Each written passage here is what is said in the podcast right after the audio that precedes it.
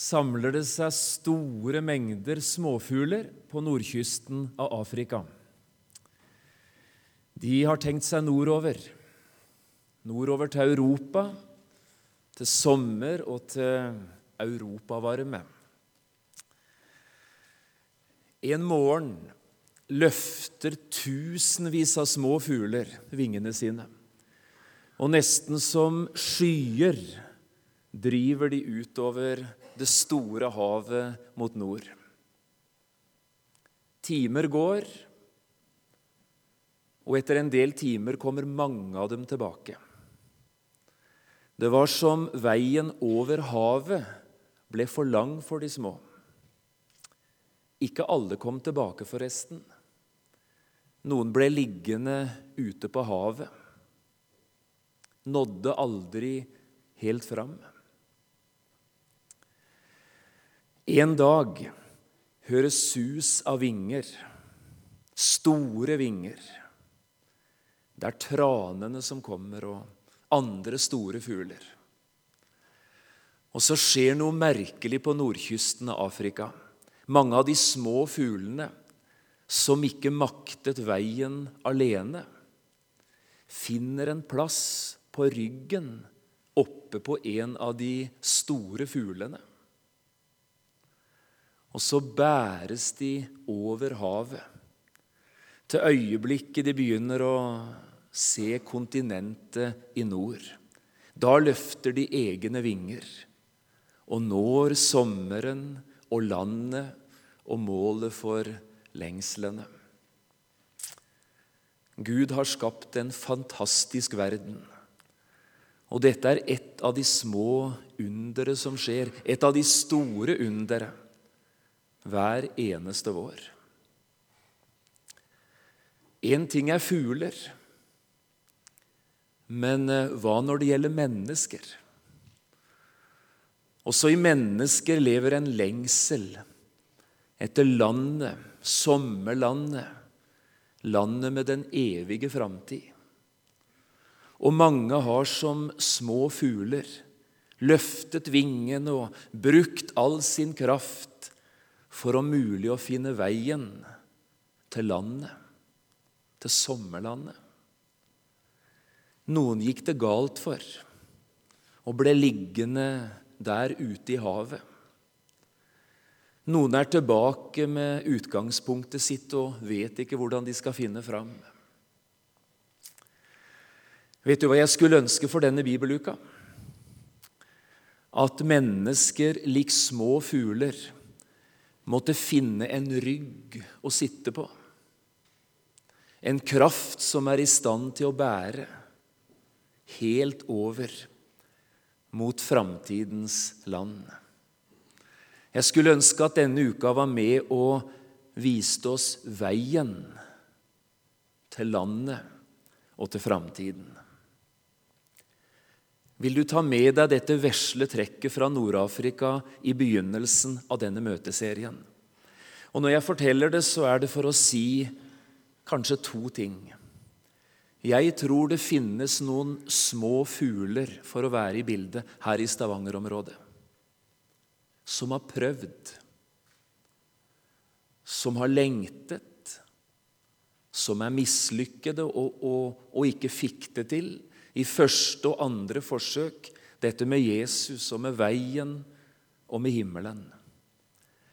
Tenk om du kunne være en sterk rygg for en av disse dyrebare Guds skapninger og bære de inn i kontakt med Han den eneste som kan bære. Dette er en strålende anledning å invitere med seg en av disse dyrebare Guds skapninger.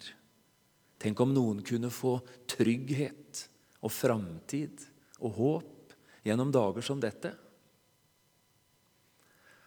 Og så tenker jeg at det som skjer her når vi deler evangeliet, det må være sånn at det er bærekraft i det. At det bærer helt over. At vi ikke taler om innbilninger og ting som ikke holder når det kommer til hverdagen. La oss be om at vi får møte Han gjennom sitt ord, som er den eneste som til sjuende og sist kan bære oss helt over. Sangen vi sang fra begynnelsen i denne første bibelkvelden, er skrevet av en av Amerikas store sangforfattere, Fanny Crosby Alstein.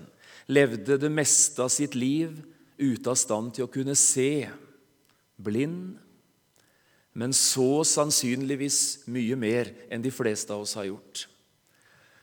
Fanny Crosby Alstein sier en gang det var bestemor som bar meg til Bibelen, og som bar Bibelen til meg. Og mitt første eh, sikre minne fra Bibelen det skriver seg tilbake til da jeg var fem år gammel og satt på bestemors fang og fikk høre fra Bibelen. Hun ble 95 år gammel, Fanny Crosby. Jeg er òg vokst opp i et hjem der jeg har hatt fang å sitte på, og mennesker som har båret meg til Bibelen og Bibelen til meg helt fra jeg var en neve stor.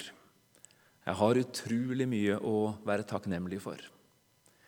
Jeg rota det skikkelig til for meg midt i tenårene, og Gud måtte faktisk bruke såpass brutale midler at det var gjennom fars død Plutselig skjedde det en torsdag ettermiddag eller en torsdag middag. Det var det som skulle til for at vekkelsen på en måte kom i mitt liv. Og siden har jeg vært på egne vinger. Eller fått sitte på den sterke ryggen, vært båret av Jesus. Eh, jeg var bedt om å si bitte lite grann om meg sjøl, og det er det jeg er i gang med nå. 54 år, ei kone fem barn fra 27 til 17 og ei fosterjente på 15 15,5. Eh, brukt nesten 20 år av livet mitt i bibelskolearbeid, noen år i Staffels gate i Oslo og mange år på Bildøy vest for Bergen. De siste fem årene eh, radiopastor og daglig leder i Kristen Riksradio. Og det er der jeg nå har arbeidet mitt. Hovedsaken er å produsere 'Vindu mot livet', en eh, bibelundervisningsserie for radio som vi sender på godt 40 lokale radioer, bl.a. på Nytt Liv Media her i Stavanger. Utrolig spennende å drive med radio, men kanskje enda kjekkere å se de menneskene du skal snakke til, sånn som jeg gjør nå. Og til og med på en sånn måte med belysning at du ser alle sammen. Strålende greit lagt opp. Så dette passer fint. Ellers er jeg litt bekymra for denne talestolen. La meg nå si det. Jeg har noen sånne særegenheter eller uvaner på talestolen, og det kan jo ikke gjemmes bort engang her. Mora mi hun sier til meg å, ja, lenge siden jeg har sagt det nå, men hun sier det er fælt John, sier hun, å se på deg når du står på talestolen. Vet du hva du ligner på? Du ligner på ei kalveferdig ku. Jeg står her liksom, jeg har aldri sett ei kalveferdig ku sånn skikkelig in action, men jeg aner jo hva hun, hva hun, egentlig mener. Så hvis det blir litt tripping og vifting og uro her oppe, så ta det i beste mening. Det er ikke det du ser, men det er det du hører, som skal være det viktigste. Og så får jeg håpe ikke å være for larmende i kommunikasjonen, enten det nå er tripping eller, eller vifting. Varm takk for invitasjonen til å komme hit. Det er ærlig talt første gang jeg er i Salem i Stavanger. Jeg har aldri vært der før. Og syns det var et utrolig fint spørsmål å få. Så håper jeg ikke dere skal angre på spørsmålet når det er søndag kveld. Veien. Når et menneske taler til oss for siste gang, aner vi at dette er viktig. Når et menneske selv vet at 'dette er siste anledningen jeg har å si det som ligger meg på hjertet', da snakker en bare om det viktigste. Og er en vitne til noen som sier ting for siste gang, ja, så spisser en ørene og tenker 'hva kommer nå'? Bibelavsnittet vi skal lese i denne første bibelvandringen, er talt av Jesus under 24 timer før han lå i graven. Det er den siste kvelden Jesus er sammen med sine, og han holder det vi kaller for avskjedstalen. Johannes 14, 15 og 16. Nå skal vi lese begynnelsen av denne talen, de seks første versene. Og overskriften, eller temaet for denne kvelden, var altså 'Veien'. Tenk at Jesus brukte den siste anledningen han hadde når han skulle tale med disiplene sine. Tenk at han brukte siste anledningen til å si noe om veien. Da må det ikke bare være viktig, men utrolig viktig, det Jesus formidlet. Og Nå skal dere få høre det inn ørene, og dere skal også få se det inn øynene. Dette levende ordet om veien som Jesus ga oss. Vi leser Johannes 14 fra vers 1 i Jesu navn. La ikke deres hjerte forferdes. Tro på Gud og tro på meg. I min fars hus er det mange rom. Var det ikke slik, da hadde jeg sagt dere det. For jeg går bort for å gjøre i stand et sted for dere. Og når jeg er gått bort og har gjort i stand et sted for dere, kommer jeg igjen og skal ta dere til meg, for at også dere skal være der jeg er. Og dit jeg går, vet dere veien. Thomas sier til ham, Herre, vi vet ikke hvor du går hen. Hvordan kan vi da vite veien? Jesus sier til ham, Jeg er veien sannheten og livet. Ingen kommer til Faderen uten ved meg. La oss be sammen. Jesus, i kveld ber vi om det underet at gamle ord fra di bok måtte bli levende gjort og berøre hjertene våre.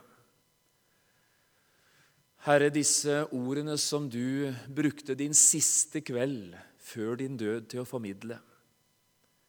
La disse ordene få lyse for oss i kveld, stråle for oss, og la de være veiledning til fred. Amen. For ett og et halvt år siden talte jeg ei uke på bibelcampingen til Indremisjonsforbundet på Lyngdal. Jeg hadde egentlig ansvaret for bibeltimene, men han som skulle være sammen med meg og kveldsmøtene, han meldte avbud, og dermed så fikk jeg litt flere samvær enn jeg hadde tenkt. Masse pes og masse velsignelse.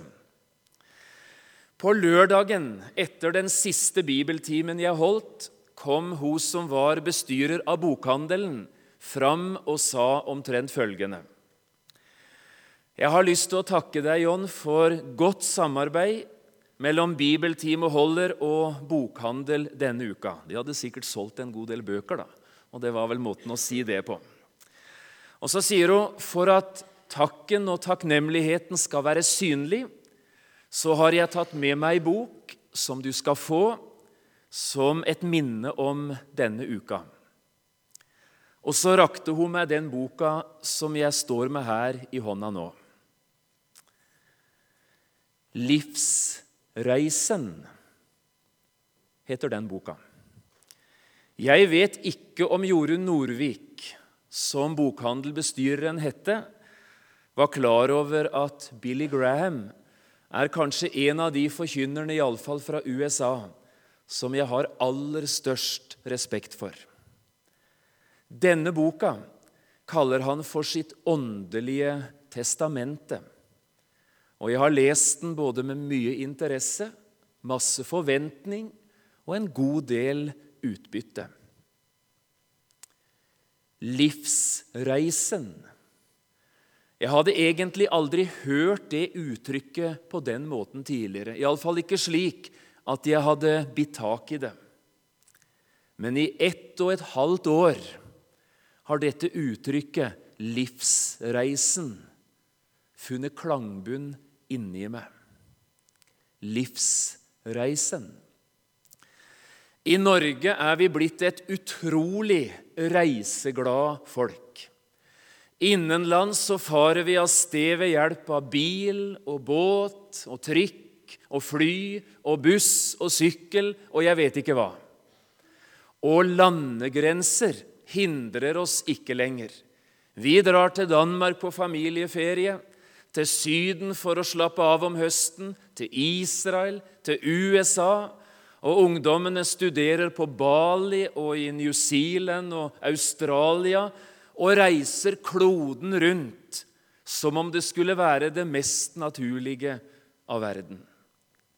Vi vet meget godt hva det er å reise. Derfor skulle vi òg ha gode forutsetninger for å forstå hva det handler om når det gjelder den viktigste reisen et menneske er ute på. Og den viktigste reisen vi gjør, det er livsreisen. For å få til en livsreise trenger vi en livsvei. Og veien må være god om livet skal bli godt. Livsreisen når det gjelder en reise, er det alltid tre kjennetegn. Det er alltid tre ting som preger en reise, enten den er lang og kan ta måneder og år, eller den er kort og er gjort unna på timer eller kanskje minutter. Enhver reise har en begynnelse. Enhver reise har en avslutning. Enhver reise har en reisestrekning, et veistykke, som forbinder startstrek med målsnøre. Og som det er med alle reiser, slik er det også med den viktigste reisen du og jeg gjør livsreisen. Også den har en begynnelse. Og kan du ikke der du sitter nå, reflektere lite grann på begynnelsen av din livsreise? Den husker du ikke mye av. Det kan jeg love deg. Du husker ikke hvor du befant deg hen. Du husker ikke hva du følte. Du husker ikke engang vrælet som kom da du for første gang var ute i frisk luft. Du hadde fint lite å gjøre med bestemmelsene av reisens begynnelse. Du valgte ikke dine foreldre. Du valgte ikke din øyenfarge. Du valgte ikke å bli født akkurat her i dette landet og på ditt hjemsted. Du valgte i det hele tatt ingenting. Men det var du som begynte. Og siden reisens, livsreisens begynnelse, har du vært på reise. Du har vært underveis på livsveien. Enhver reise har også en avslutning. Og like sikkert som vi ikke kontrollerte mye med begynnelsen, like sikkert er det også at avslutningen av reisen har du og jeg liten innflytelse på. Jo, det er noen som avslutter ved egen hånd. Men med det unntaket så ligger avslutningen i andre hender enn våre. Jo, vi gjør oss våre tanker. Vi tenker at livsreisen skal være så og så lang. Og vi tenker at før den er slutt, så heter det alderdom, kanskje sykdom, og forhåpentligvis god betenkningstid. Vi har våre tanker, men ikke alltid går det som vi tenker, faktisk ganske sjelden. Noen ganger kom reisens avslutning som et sjokk. En av guttene mine, Erlend, som i dag er på Handelshøyskolen i Bergen, han var tre, fire, fem år da han gikk i eh, daghjem hos Soteras mest strålende dagmamma. Og det var der, hos Tove, rogalending forresten, at Erlend ble kjent med Viktor. De var uatskillelige og perlevenner i flere år. I juni sist sommer var Viktor på vei nordover Sotra mot Øygarden det var tidlig en søndag morgen, uhyggelig tidlig. Og etter broa fra Solsvik over til Misje mistet han av en eller annen grunn kontrollen, og i stedet for sving gikk det rett fram, og fjellveggen var ubarmhjertig. Sykepleieren fra Øygarden som kom og skulle på jobb, fant et bilvrak og en livløs gutt på ca. 20 og forsto her er livsreisen avsluttet. Det hadde ingen av oss ventet. Vi hadde ikke drømt om det. Men eh, livsveien og livsreisen ble ikke lenger enn dette. Nei, vi kontrollerer fint lite, også av avslutningen. Vi henger ved livet. Selvfølgelig vil vi til himmelen, men vi vil ikke dø enda. Vi elsker livet.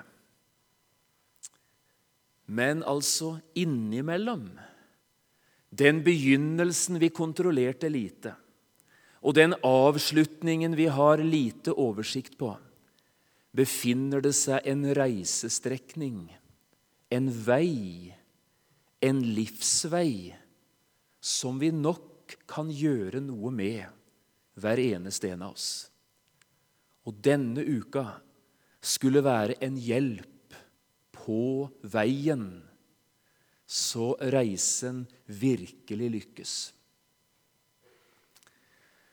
Tør du tro at det var Gud som sendte deg ut på din livsreise? Tør du tenke den tanken fullt ut og tro den? Det var en Gud som så deg, som skapte deg, som ønsket deg, som ville deg, og som elsket deg. Og som da han sendte deg ut på livsreisen, gikk i gang med noe som hele himmelen var spent på. Hvordan skal dette gå? Tør du tro at det var Gud som sendte deg ut på reisen? Slik taler Bibelen. Tør du tro at som det begynte hos Gud, skal det ende hos Gud? Tør du tro at en dag skal dine øyne møte hans? Og hva gjør den tanken i så fall med det? Hvordan forbereder du deg på den? Betyr det noe for deg at Gud var der fra begynnelsen, og Gud står der ved avslutningen og at livsveien, livsreisen, egentlig er fra Gud til Gud. I ham er det vi lever, rører oss og er til. Dette gjelder ikke bare mennesker som tror og ber og bekjenner. Det gjelder alle mennesker.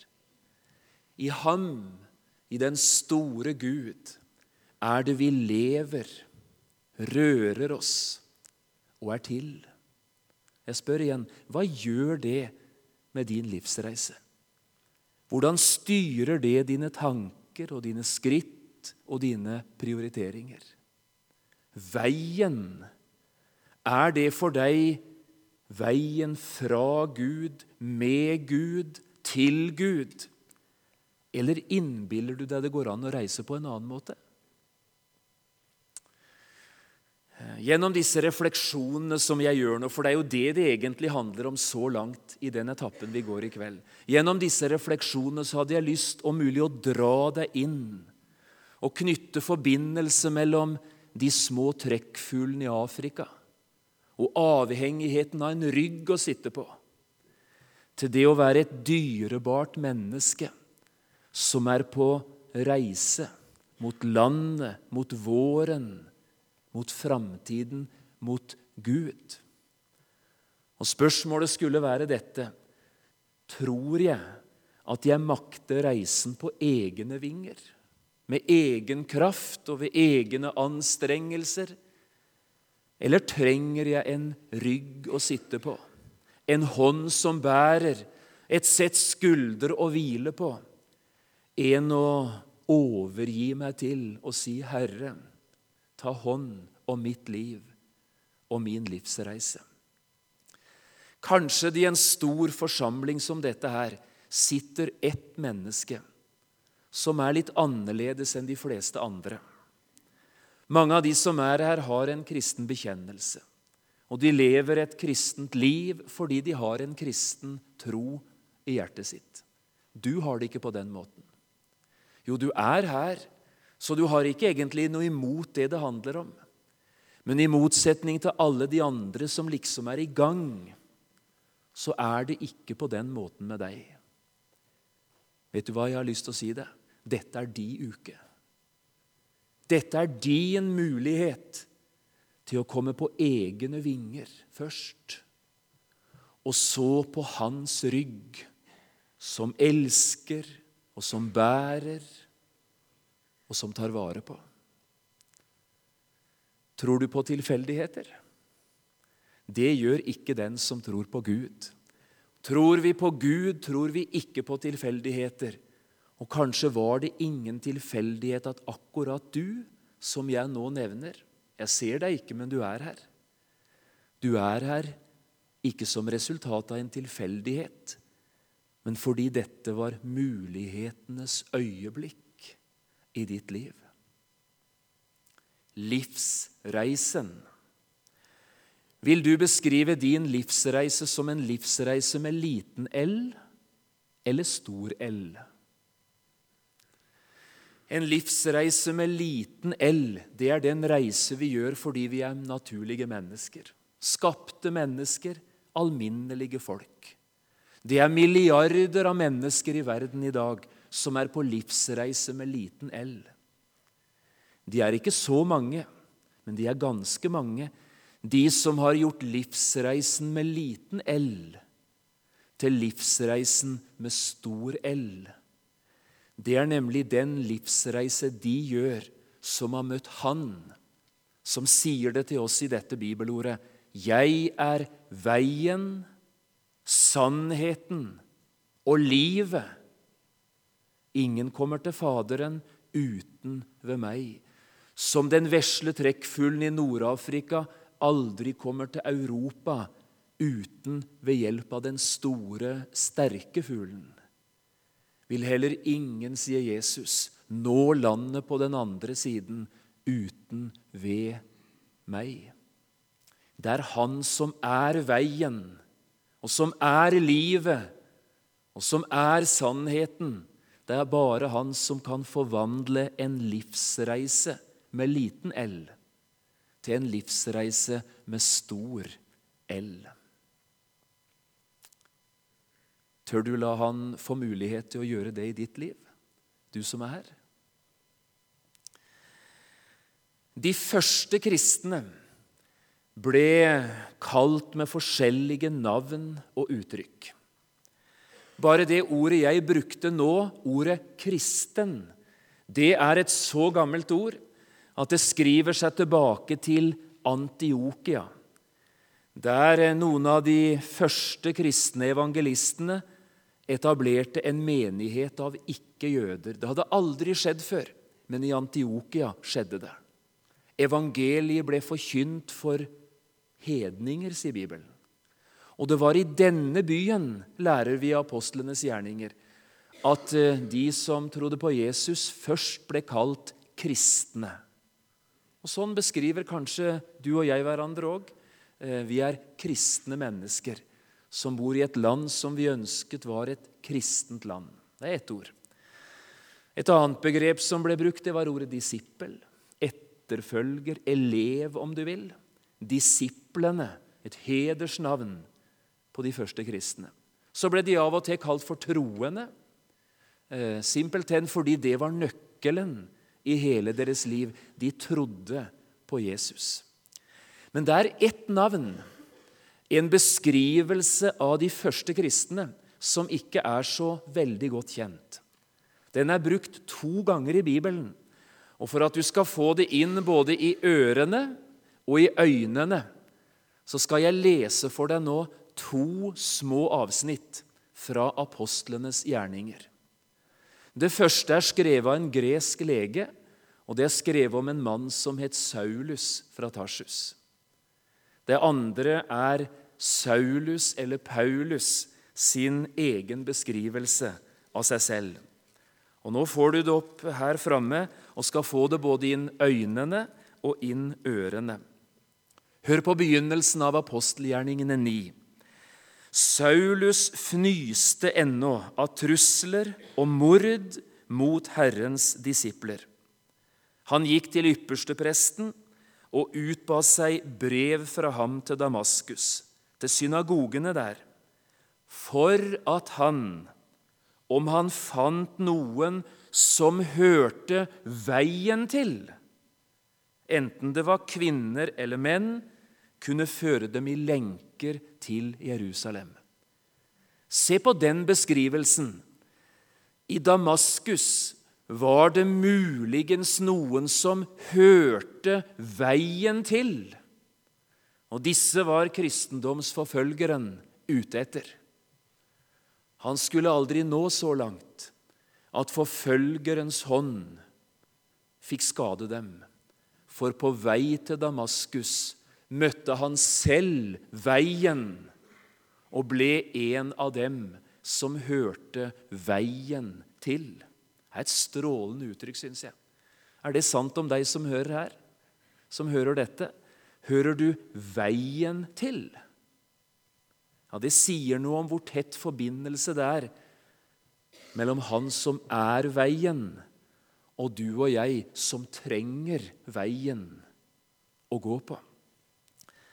Det samme uttrykket bruker Paulus i apostelgjerningene 22. Nå står han selv i Jerusalem, i byen der han hadde fått sin utdanning, og må forsvare seg for en stor folkemengde.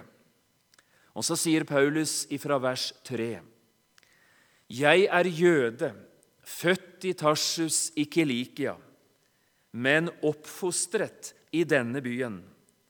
Ved Gamaliels føtter ble jeg opplært etter de strenge krav i den lov som vi har fra fedrene.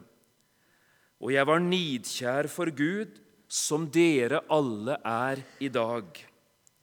Denne veien forfulgte jeg til døden, og jeg bandt og kastet i fengsel både menn og kvinner. Det kan både ypperstepresten og hele eldsterådet bevitne. Denne veien forfulgte jeg til døden. Veien. De som hørte veien til. Det er det det handler om for den som har tenkt seg til himmelen, for den som vil leve med Gud, for den som vil tjene Gud, for den som vil ære Gud gjennom sitt liv og sine ord. Det handler om å gjøre sin livsreise på veien i forbindelse med Han som selv er veien. Kan du ikke merke deg det uttrykket i Bibelen din? De hørte veien til. Og så knyttes det etter hvert forbindelse mellom Han som er veien, og de som skal gå på veien. Om en predikant hjemme i Telemark så ble det sagt at han gikk ut fra en tekst og vendte aldri tilbake. Eh, kanskje er det nesten det jeg er i ferd med å gjøre når jeg gjør denne første timen på måten som jeg nå gjør. Men eh, vi skal ikke vende bort fra en tekst eller ut fra en tekst og så aldri mer vende tilbake. Se nå en gang til, eller hør en gang til, på disse avskjedsordene av Jesus fra begynnelsen av kapittel 14 i Johannes. Her sier Jesus tre ting om dette med veien. For det første så sier han dette er himmelveien. Han bruker ikke akkurat uttrykket, men det er det han snakker om når han sier I min fars hus er det mange rom. Var det ikke så, da hadde jeg sagt dere det. Men jeg går bort for å berede et sted for dere. Jeg skal gjøre i stand en, en væreplass for dere, et hjem. Og når jeg har gått bort og har gjort i stand et sted, så kommer jeg igjen og vil ta dere til meg, for at også dere skal være der jeg er. Den veien vi taler om i kveld, det er himmelveien. Det er veien mot det målet Gud har satt for alle mennesker. Og nå har jeg lyst til å spørre er det målet for ditt liv? Er det styrende for dine prioriteringer? Kan de se det, de som står i grøftekantene av ditt liv, i måten du ferdes på og lever på og oppfører deg på? Her er det en som har tenkt seg til himmelen. Her er det en som ser tvers igjennom horisonten. Her er det en som har et perspektiv på livet som jeg mangler. Himmelveien. Den dagen vi mister synet for at det er en himmel over menneskelivet, den dagen mister vi mål og retning og begynner å virre hvileløst omkring. Jeg spør igjen har du tenkt deg til himmelen. Ja, så gå den veien som fører dit. Det andre Jesus sier her, det er at han setter navn på selve veien og kaller den for Jesusveien. I vers 1 her i Johannes 14 har vi en oversettelse som er halvgod, syns jeg. Eh, Eders hjerte forferdes ikke, tro på Gud og tro på meg. Eh, her ser det ut som Jesus sier at det er to ting vi skal tro på. Vi skal tro på Gud, og det gjør mange mennesker. Og så skal vi tro på Jesus, og det er ikke så mange mennesker som gjør. Men det er ikke det Jesus sier. Nå er jeg så gammel at da jeg lærte norsk grammatikk, så hadde vi noe som heter presenspartisipp. Jeg vet ikke hva det heter for noe i dag. Det er noen av disse verbbetegnelsene som er endra. Veit du hva presenspartisipp Husker du hva det er for noe? Gående, hoppende, jublende. Her står det en sånn presenspartisipp. Og For å få fram en sånn presenspartisipp så omskriver vi det eh, ofte ved å si ved og. Istedenfor å si 'han kom reisende til Stavanger med fly', så sier vi at han reiste ved å, f.eks. Her sier Jesus 'tro på Gud, troende på meg'. Og Skal vi få tak i det Jesus sier, så sier han det er en bestemt måte du skal tro Gud på. Det er ikke alle måter å tro på Gud på som fører fram. Det er ikke all tro på Gud som er sann tro. Det er ikke all gudstro som er livets og frelsens og framtidens tro. Men det er én form for gudstro som er levende og ekte og riktig. Det er den måten å tro på Gud på. At du tror på Jesus. Du tror det Gud har sagt om Jesus. Jesus er nøkkelen, forklaringen, hemmeligheten til den måten du tror på Gud på. Derfor er spørsmålet ikke bare tror du på Gud, men tror du på Gud ved at du tror Jesus? Det er siste kvelden Jesus er sammen med sine disipler. Og nå sier han, skal den gudstroen som dere har fått, mine gode venner, skal den holde, så må det være en tro på Gud som viser seg at den tror på Jesus. Den holder for sant, det Jesus har sagt. Den åpner seg for, den bøyer seg for, den trykker til seg, den gir rom for, den tar imot det Gud sier om Jesus. Tror du på Jesus? Har du fått bruk for han? Er det han som er skatten og nøkkelen? Eller er gudstroen tom for Jesus? Den gudstro som er tom for Jesus, den fører aldri fram. Det er Jesusveien som fører til himmelen, og ingen annen vei. Derfor er himmelveien og Jesusveien troens vei. Ikke gjerningenes, ikke prestasjonenes, men troens, tillitens vei til Jesus. Jeg har lite grann nå i avslutningen som jeg har lyst til å formidle. og Det jeg har gjort så langt, har vært litt refleksjoner omkring ting. Det har vært litt smådykk i enkelte bibelord, og det er veien det handler om. Nå hadde jeg lyst til å være litt sjelesorger og spørre er du i gang på denne veien. Hvordan begynte det?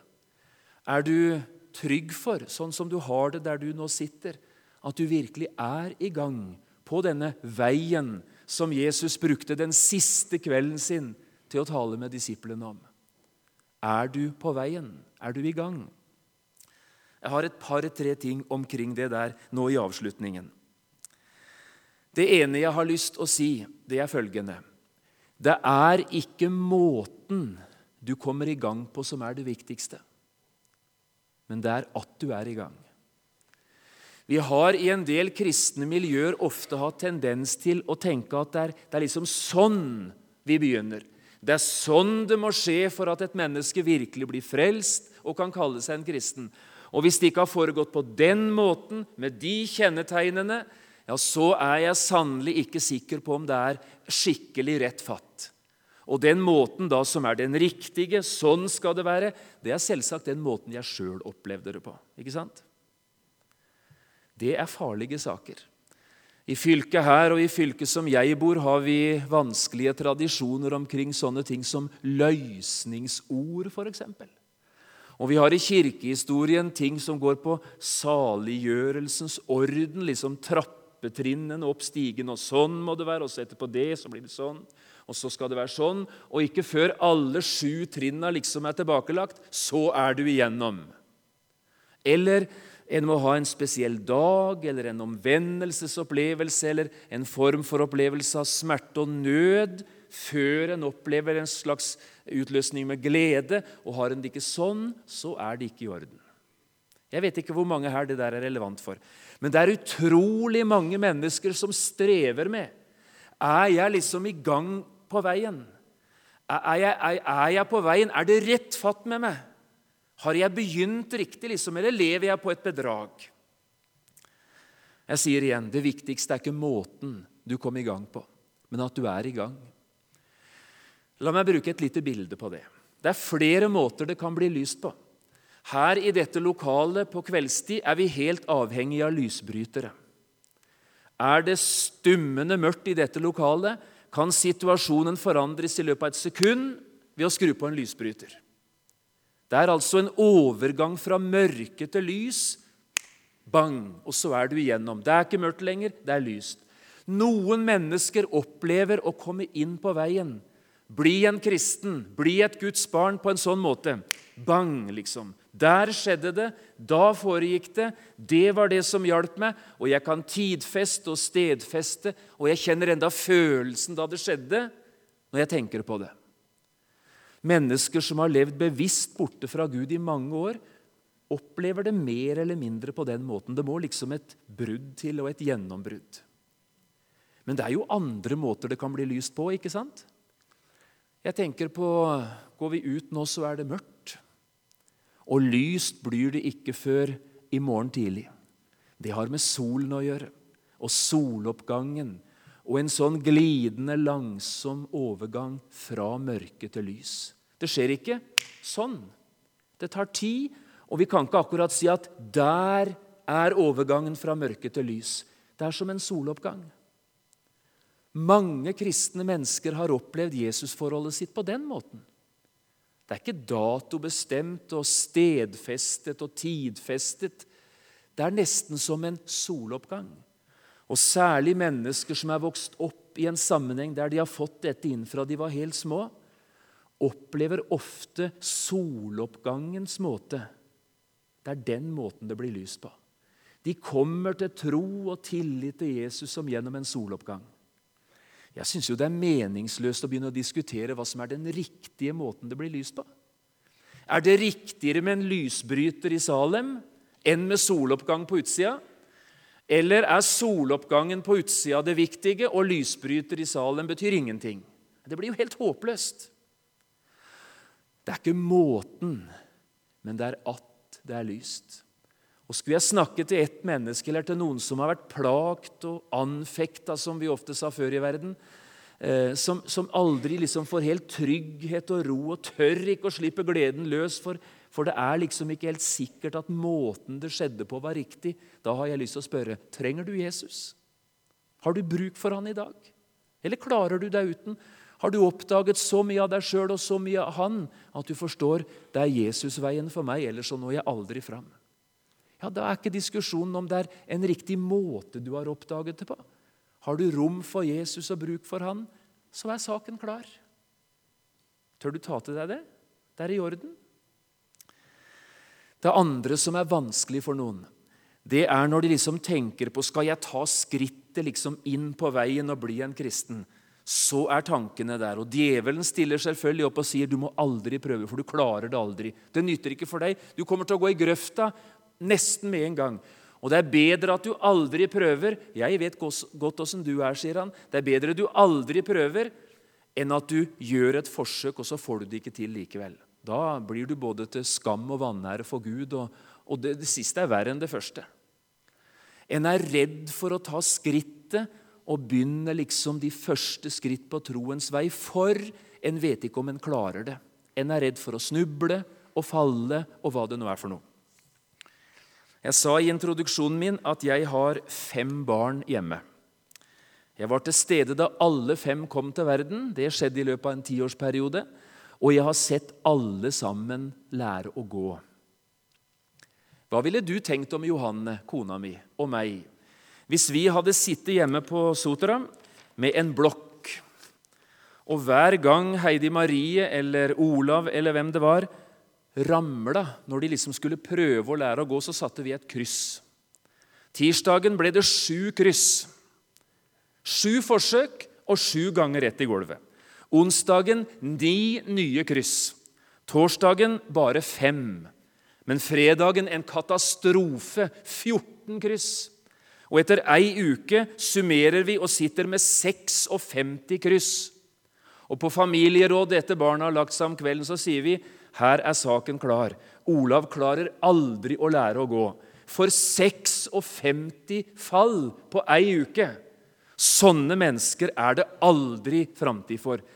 Og ville du tenkt om sånne foreldre? Det er ingen foreldre som gjør sånn. Vi har aldri telt fall hjemme hos oss, men vi har telt skritt. Ett, tre, Sju skritt fra gyngestolen bort til salongbordet. Og vi har kjent det der inni oss som bare foreldre kan kjenne, tror jeg, når en ser at nå er de i ferd med å gå. Nå er jeg kommet inn i barnebarnsgenerasjonen og skal begynne å telle igjen. Spennende saker. Hvorfor i all verden tenker vi at Gud teller fall? Ja, For det er jo det vi tenker. Vi er redd for å prøve, for vi er redd for at vi skal falle eller snuble, eller at det skal gå galt. Jeg snublet nok ofte og falt mang en gang. Og ofte var veien så tornet og trang. Men ved at jeg snublet, jeg lærte å gå. Ved det at jeg falt, fikk du lært meg å stå. Hva gjør vi når vi faller? Vi prøver å reise oss igjen. Og av og til er det ei god hånd som tar tak i oss og hjelper oss på beina. Er det én god far i tilværelsen, så er det den himmelske far. Det er han som ønsker deg inn på veien. Han har ingen forventninger om at du aldri skal falle, eller at du aldri skal ha bruk for ei hjelpende hånd.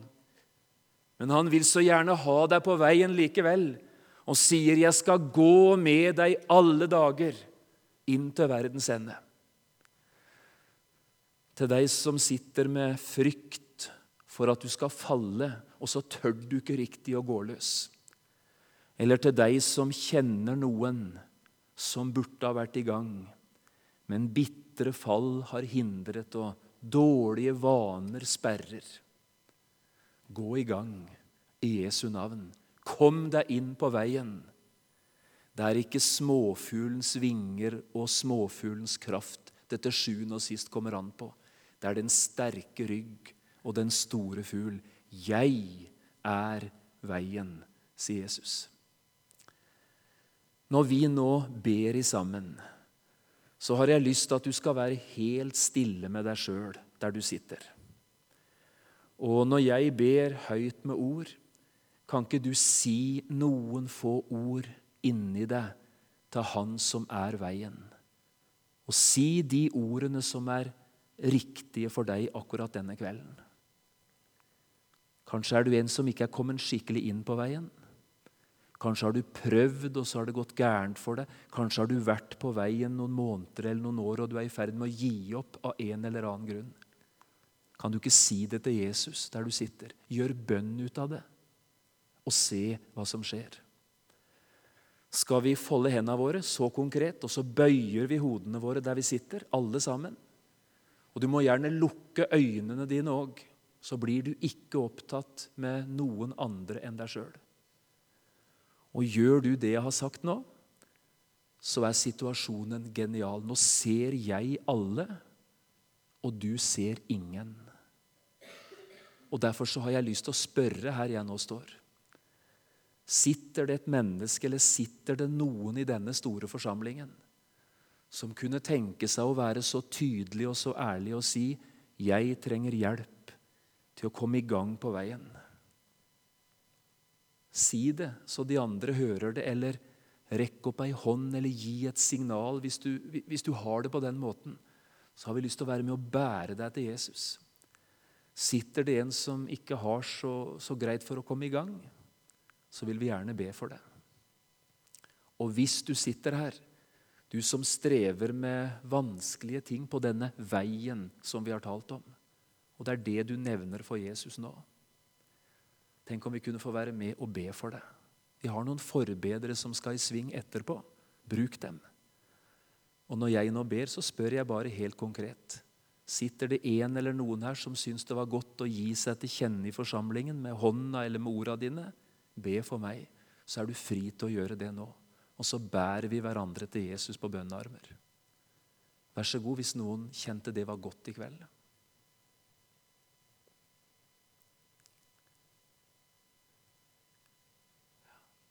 Gud velsigne deg. Gud velsigne deg. Det viktigste som skjer nå, det skjer i forholdet mellom deg og Jesus. Og nå bærer vi spesielt de til Jesus som ba oss om forbønnshjelp. Kjære Jesus. Vi har vært igjennom en første etappe i denne bibeluka. Vi takker Herre for at det er noen i denne verden som får høre veien til. Og vi vil gjerne være blant dem, Jesus. Aller mest er vi takknemlige at det finnes en vei en himmelvei, en Jesusvei, en troens vei som fører helt fram. Vi som sliter med svake, små vinger, og som aldri klarer det store havet alene.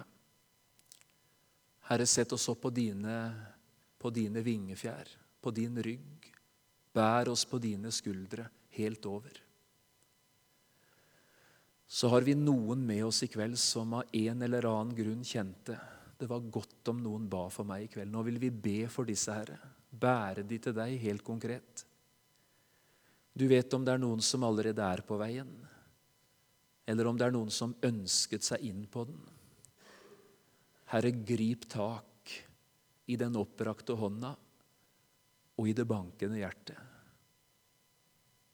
Og er dette mennesker som er på veien, og som strever med ting?